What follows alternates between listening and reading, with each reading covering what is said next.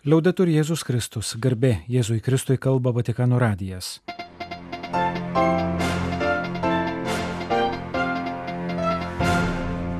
Malonus klausytojai šioje programoje. Tęsiasi popiežiaus kelionė Vengrijoje.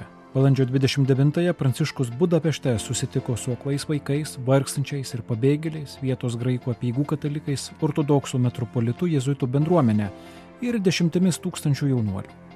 Ketvirtasis Velykų sekmadienis - Gerasis ganytojas.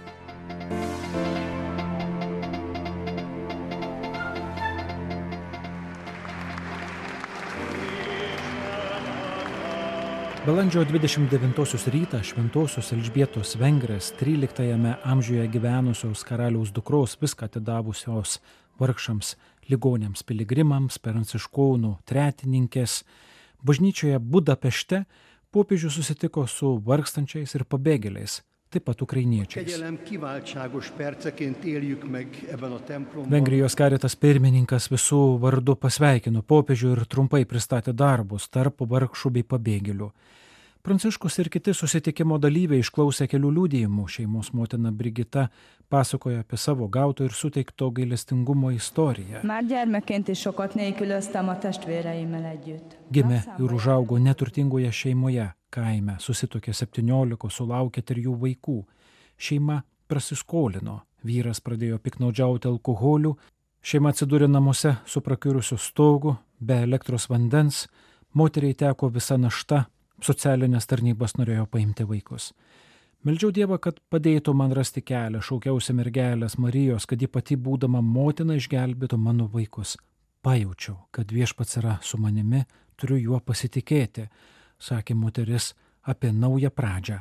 Rastas kelias atvedė ją į graikų katalikų bendruomenę, kur jie atrado darbą ir būstą. Nors viskas rodos išsisprendė, jautė nulatinį pyktį ir keršto truškimą tiems, dėl kurių teko kentėti. Susirgo dukra, po to labai sunkiai vaikų tėvas. Po ilgos maldos ir abejonių, pasakoja Brigita, jis sugebėjo paprašyti atleidimo už visas savo klaidas ir melstį vaikų tėvo išgyjimo. Tada atgavo vidinę ramybę Dievo delnuose. Savo, savo žmonos Liudmilos ir penkių vardų liudijo jau vyresnio amžiaus Olegas iš Ukrainos miesto Dnipro. Kai ėmė kristi, bombos teko bėgti. Kur? Prieš daug metų vyras atliko karinę tarnybą Vengrijoje ir jam liko gerų atminimų apie tenykščių žmonės, tad nusprendė ieškoti prieglopšio Budapešte.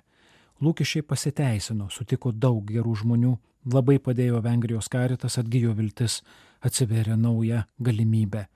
Olegas padėkojo už popiežiaus balsą už taiką, už jo ir kitų maldą, už karo aukas, kuri padeda ir stiprina.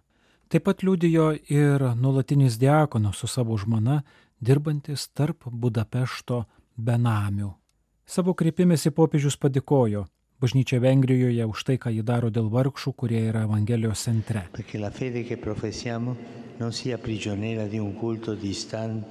Negalime įkalinti savo tikėjimo nuo gyvenimo nutolusiame garbinime, persimti tam tikrų dvasinių egoizmų, dvasingumu, kurį susikūriu, kad teiktų vidinę ramybę ir pasitenkinimą.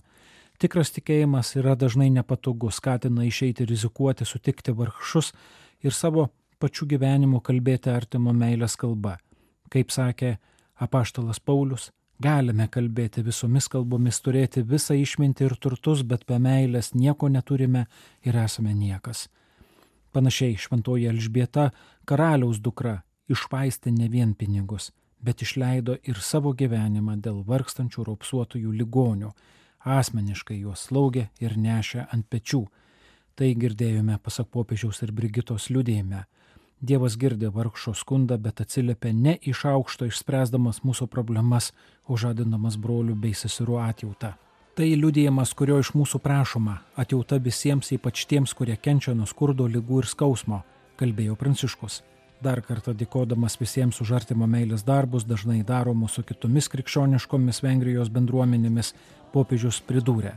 Ačiū, kad ne tik dosniai, bet ir entuziastingai prieimėte tiek daug pabėgėlių iš Ukrainos.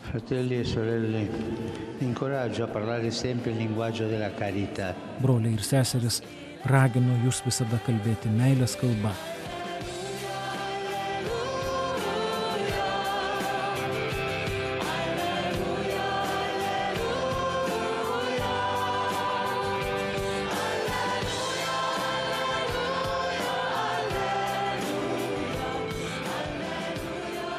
Šeštadienio popietę Budapešto sporto arenoje įvyko tūkstančių vengrų jaunuolių ir popiežiaus pranciškaus susitikimas. Keturi jaunuoliai pasidalijo savo tikėjimo keliais, o šventasis tėvas paryškino kai kuriuos jų patirtyje ir bažnyčios gyvenime svarbius dalykus. Mokinys Bertulanas pasakojo, kad ilgą laiką jam nerūpėjo sekmadienio pamokslai apie Dievą debesise palyginus su kasdieniais rūpešiais ir buvo nejauku kalbėti apie tikėjimą, kol nesutiko vienos jaunimo grupės, kuri nepaisant visų pokštų parodė, ką reiškia rimtas žvilgsnis į Dievą ir į Jėzų.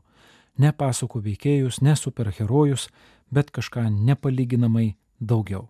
Po kelių metų mažų bet atkaklių žingsnių, nebe pakilimų ir nuosmakių galiu paliūdyti. Dievas egzistuoja ir yra su manim, sakė vaikinas. Dievas myli visus, visų gyvenimai prasmingi pridurys. Kristus yra Dievas kūne, gyvasis Dievas, kuris prisartina, jis geriausias iš draugų ir geriausias iš brolių, jis mokytojas, kuris prieš atsakydamas klausia, pažymėjo Pranciškus. Kai kada jautriai pataiso, atleidžia ir gydo širdis. Viešpats nori, kad pasiektume didelių dalykų. Jis nenori, kad būtume tingus ir susmukę ant sofos, nenori, kad būtume tylus ar drovus, jis nori, kad būtume guvus, aktyvus, veiklus. Jis niekada nenuvertina mūsų lūkesčių, priešingai pakelia mūsų norų kartelę, kalbėjo popiežius. Kas drįsta laimi, populiarų vengrų posakį paminėjo pranciškus. Kad laimėtume krikščioniškame gyvenime, kaip ir sporte, turime gerbti dvi taisyklės. Viena - siekti kuo daugiau, neapsiriboti minimumo, neapsiriboti išmaniuoju telefonu, nors daug kas taip gyvena, investuoti į savo talentus. Jauti, kad gali padaryti gerą, sukurti didelę šeimą, padėti kažkam, jauti, kaip gražu mylėti Dievą, investuok nieko nebijodamas į tai. Kita taisyklė - nuolatos sportuoti ir treniruotis. Kaip? Kreipkis į geriausią trenerį Jėzų jis išklausys ir pamokys, kas geriausia. Taip pat primins, kad visada esame komandos dalis ir mums reikia bendrų patirčių. Pavyzdžiui, pasaulio jaunimo dienose. Ir naudojusi progą pakviesti jūs į ateinančias, kurios vyks Portugalijoje, Lisabonoje rūpjūčio pradžioje, priminė popiežius. Universiteto studentė Kristina trumpai pristatė savo studijas katalikiškame universitete, kuriame gali praktikuoti tikėjimą, dalintis, maitinti jį liturginiu bei intelektualiniu gyvenimu, atrasti vidinės tylos momentų. Yra nuovargio, sunkumo, vienatvės, nesibaigiančių uždavinių ir kasdienio triukšmo, bet jis žino, kad viešpat sako, nebijok, tikėk. Anot popiežiaus tyla yra vienas iš dalykų, kurių labai trūksta šiandienos jaunuoliams. Norėčiau jums pasakyti, nebijokite eiti prieš srovę. Kasdien raskite tylos laiką sustoti ir pasimelsti. Šiandien tarsi viskas rodo, kad turite būti greiti, efektyvūs, praktiškai tobuli kaip mašinos. Bet tada dažnai baigėsi benzinas ir nebežinome, ką daryti. Svarbu žinoti, jog reikia sustoti ir užsipilti degalų, pasipildyti baterijas, sakė Pranciškus, patikslindamas, jog tyla vis tik nėra murgdimasi savo melancholijoje ir liudisyje. Tai metas kreiptis į Dievą, patikėti jam situacijas, perskaityti Evangelijos puslapį, pamatyti aplink esantį grožį, padėkoti. Verta pakartoti. Tila ne tam, kad prie ekranų panirtume į virtualumą, o tam, kad pažvelgtume į realų gyvenimą. Popiežius padėkojo ir už Doros liūdėjimą. Pasak jaunos merginos, ji buvo išaugdyta pagal krikščioniškos moralės vertybės, tačiau be Dievo. Nors gyveno rodos idealiomis sąlygomis sielai kažko trūko. 2021-aisiais viename krikščioniškame renginyje Atsidarė jo širdies duris ir pirmą kartą pajuto, jog Dievas yra su ją. Tapo bendruomenės nare, užmesgė gražias draugystės, patyrė stebuklų ir žino, kad dauguma dalykų dar prieš akis. Tai svarbus atradimas, pažymėjo popiežius.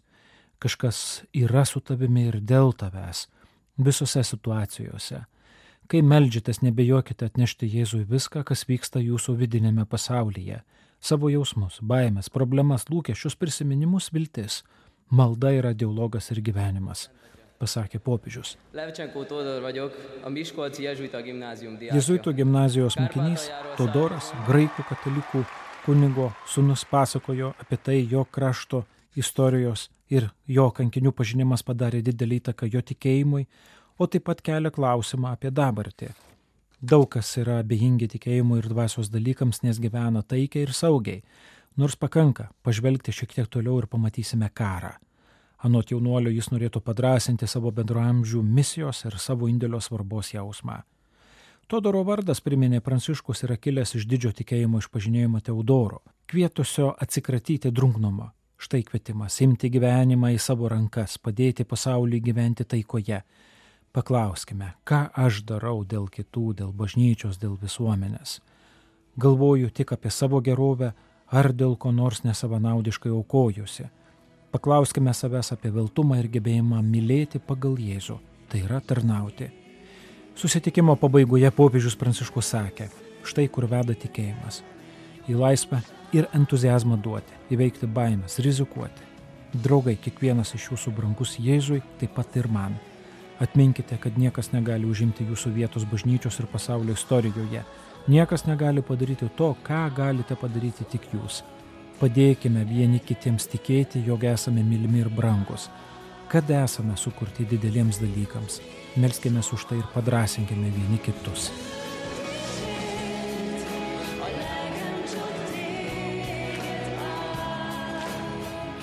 Šeštadienį taip pat įvyko keli privatus popiežiaus vizitai ir susitikimai.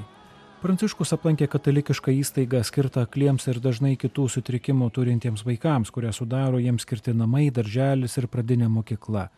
Įstaiga dedikuota vengrų palaimintajam Blaslui, bet Janį Štratmanui, vargšų gydytojui. Popiežius aplankė visus skyrius, bendravo su auklitiniais ir personalu apsikeitė dovanėlėmis. Neregintiems vaikams buvo numatytos vietos šalia popiežiaus, kad jie galėtų jį pamatyti savo būdu, paliesti ir apkabinti. Popiežius apsilankė Dievo motinos apsaugos bažnyčioje ir susitiko su vengrų graikų katalikų apieigų bendruomenė. Jį pasitikęs graikų katalikų arkivyskupas Peteris Fulupas Kočis sveikinimo žodėje priminė Šventojo Jono Pauliaus žodžius, kad bažnyčia kvepuoja dviem plaučiais - rytų ir vakarų dvasingumu. Susitikimo pabaigoje popiežius Pranciškus palaimino jo dalyvius. Pietų pertraukos metu popiežius pasisveikino su metropolitu Hilarionu, kuris praeitie buvo atsakingas už Maskvos patriarchato išorinius ryšius, nekartą lankėsi Vatikane, šiuo metu reziduoja Budapešte. Šeštadienį popiežius užbaigė privačiu susitikimu su jezuitais apaštalinėje nunciatūroje.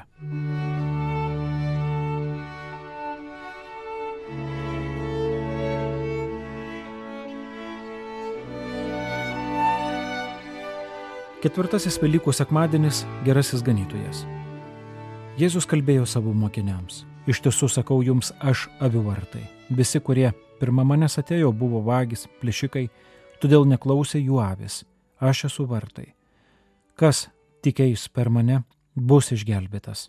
Jis įeis ir išeis ir ganyklas auras. Vagis ateina tik vokti, žudyti, naikinti. Aš atėjau, kad žmonės turėtų gyvenimą kad apšiai jo turėtų. Kviečiame pasiklausyti monsignoro Adolfo Grušo komentarą, tas, kuris duoda gyvenimą. Jėzus, norėdamas paaiškinti didžiasias Dievo tiesas, kalba apie įprastus savo metui dalykus. Mums ganytojo įvaizdis mažai ką te sako, nes mes nebegyvename piemenų ir žemdirbių civilizacijoje. Vis dėlto turime mus vedantį ganytoje, reikia tik gerai jį pasirinkti. Žinoma, tuoj pat sulauktume atsakymo, Man nereikalingas ganytojas, aš pats tvarkau savo gyvenimą, esu laisvas ir suaugęs žmogus. Tačiau neverta skubėti. Tokių ganytojų gali būti daug kas. Mūsų profesinė karjera, kitų žmonių vertinimas, mūsų norai, planai, jausmai. Ramiai ir atidžiai pažvelgę suprasime, kad už visų mūsų veiksmų slypia kažkas, kas mus įkvepia ir mums vadovauja. Dažnai gal kiek pernelik dažnai vadovaujamės tuo, į ką mus skatina dabartinis gyvenimas. Stengiamės atrodyti malonus, būti madingais, susilaukti pripažinimo.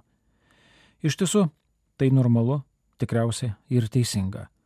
Tačiau savo mokinių, tų, kurie savo kelyje sutiko prisikėlusį ir įveikė jos apgaubusi liūdėsi, viešpats prašo nesekti netikrais pranašais. Jis nori, kad mes mokėtume atskirti, rodos labai įtikinamus balsus tų, kurie parduoda laimę ir prašo laikytis neįtikėtinos svajonės nuo tų, kurie dovanoja tikrąjį gyvenimą. Gyvename pasaulyje, kuriame nedaug tai reikia, kad būtume laimingi ir atrodo, kad visi žino kelią. Grožis, fizinis pajėgumas, intelektas, sveikata, darbas, daug pinigų. Yra žmonių, kurie tuo netiki. Žmonių, kurie visą gyvenimą sako, kad svarbiausia jų nelaimės priežastis yra ta, kad jie nepakankamai liekni, aukšti ar per mažai uždirba. Ar tikrai taip yra? Šio sekmadienio žodžio liturgijoje mes girdime, kad Jėzus tvirtina, jog jis vienintelis, galintis pripildyti mūsų širdis. Kam iš tikrųjų aš esu brangus? Mes instinktyviai ieškome to, kuris norėtų mus priimti, vertinti, mylėti, nežiūrint mūsų neišvengiamo menkumo. Šiandien girdime svarbiausią žinę - mes rūpėme Dievui. Jis gerasis ganytojas šaukia savo avis, kiekvieną vardu. Jo kaimenė nėra anonimiška. Jau lūpos taria mano vardą taip, kaip niekas kitas negali. Tie iš mūsų, kurie turi daugiau negu vieną vaiką, puikiai tai žino. Jie myli savo vaikus ne abstrakčiai, bet kiekvieną iš jų. Svarbiausias šio sekmadienio Evangelijos simbolis yra vartai. Tai perėjimo iš vienos vietos, vienos situacijos į kitą ženklas. Viešpats Jėzus yra vartai, per kuriuos įeidami randame kelią į save. Jėzus įveda mus į vidų Tačiau Jėzus taip pat ir išveda mus. Jis neatsitiktinai sako, jie įeis ir išeis. Tas, kuris palaiko ryšį su savimi, palaiko ryšį ir su kitais. Tas, kuris eina į save, taip pat eina ir link kitų. Todėl susitikti su Jėzumi reiškia susitikti su savimi. Mūsų gyvenime yra vartų užrakintų visais įmanomais užraktais, kurių niekada nenorime atidaryti, tačiau ateina metas, kai juos būtina atverti net jei bijome to, su kuo susidursime. Yra žingsnių, kuriuos būtina žengti, kad ir kiek tai kainuotų, nes nuo to priklauso mūsų gyvybė. Gyvenimas mus pastato priešai savo tikrus vartus. Norėdami judėti į priekį, privalome pro juos žengti. Tie vartai yra Dievas. Jį sutikę žmogus tampa kitoks. Dievas jį perkeičia, pakeičia ir pasiunčia į kelionę. Jis atveria nežinomus vartus, leidžia išvysti anksčiau neįsivaizduotus horizontus. Šiame tekste yra viena dėmesį patraukianti detalė. Gerasis ganytojas du kartus pakartoja, kad jis savo vis veda iš aptvaro. Keista, instinktyviai manytume, kad piemuo pirmiausia nori saugiai uždaryti savo vis gerai apsaugotame aptvare. O Jėzus yra kitoks. Jis mus veda laukan, veda iš nuodėmės aptvaro, iš mūsų apkalbų ir menkų sprendimų, mūsų egoizmo ir pasipatimo nelaisvės. Jis veda mus iš religingumo seklumos, kurią sudaro patikrintos ir saugios praktikos. Krikščionybė dažnai suredukuojama į moralinio elgesio receptų knygą ir didžioji dauguma krikščionių išgyvena savo tikėjimą kaip tai, ką reikia daryti, kaip įsakymų vykdymą. Šiandienos žodis laimiai sako visai ką kitą. Krikščionis yra tas, kuris seka paskui Jėzų, tas, kuris pasirenka jį savo vieninteliu ganytoju. Taigi tikėjimas tai ne tiesiog kažką daryti ar nedaryti, daugiau ar mažiau vykdyti vieną ar kitą taisyklę, bet sutikti tą, kuris apverčia tavo gyvenimą aukštien kojomis ir pripildo jų džiaugsmo. Tas, kuris paliūdėja, aš atėjau, kad jie turėtų gyvenimą, kad apšiai jų turėtų.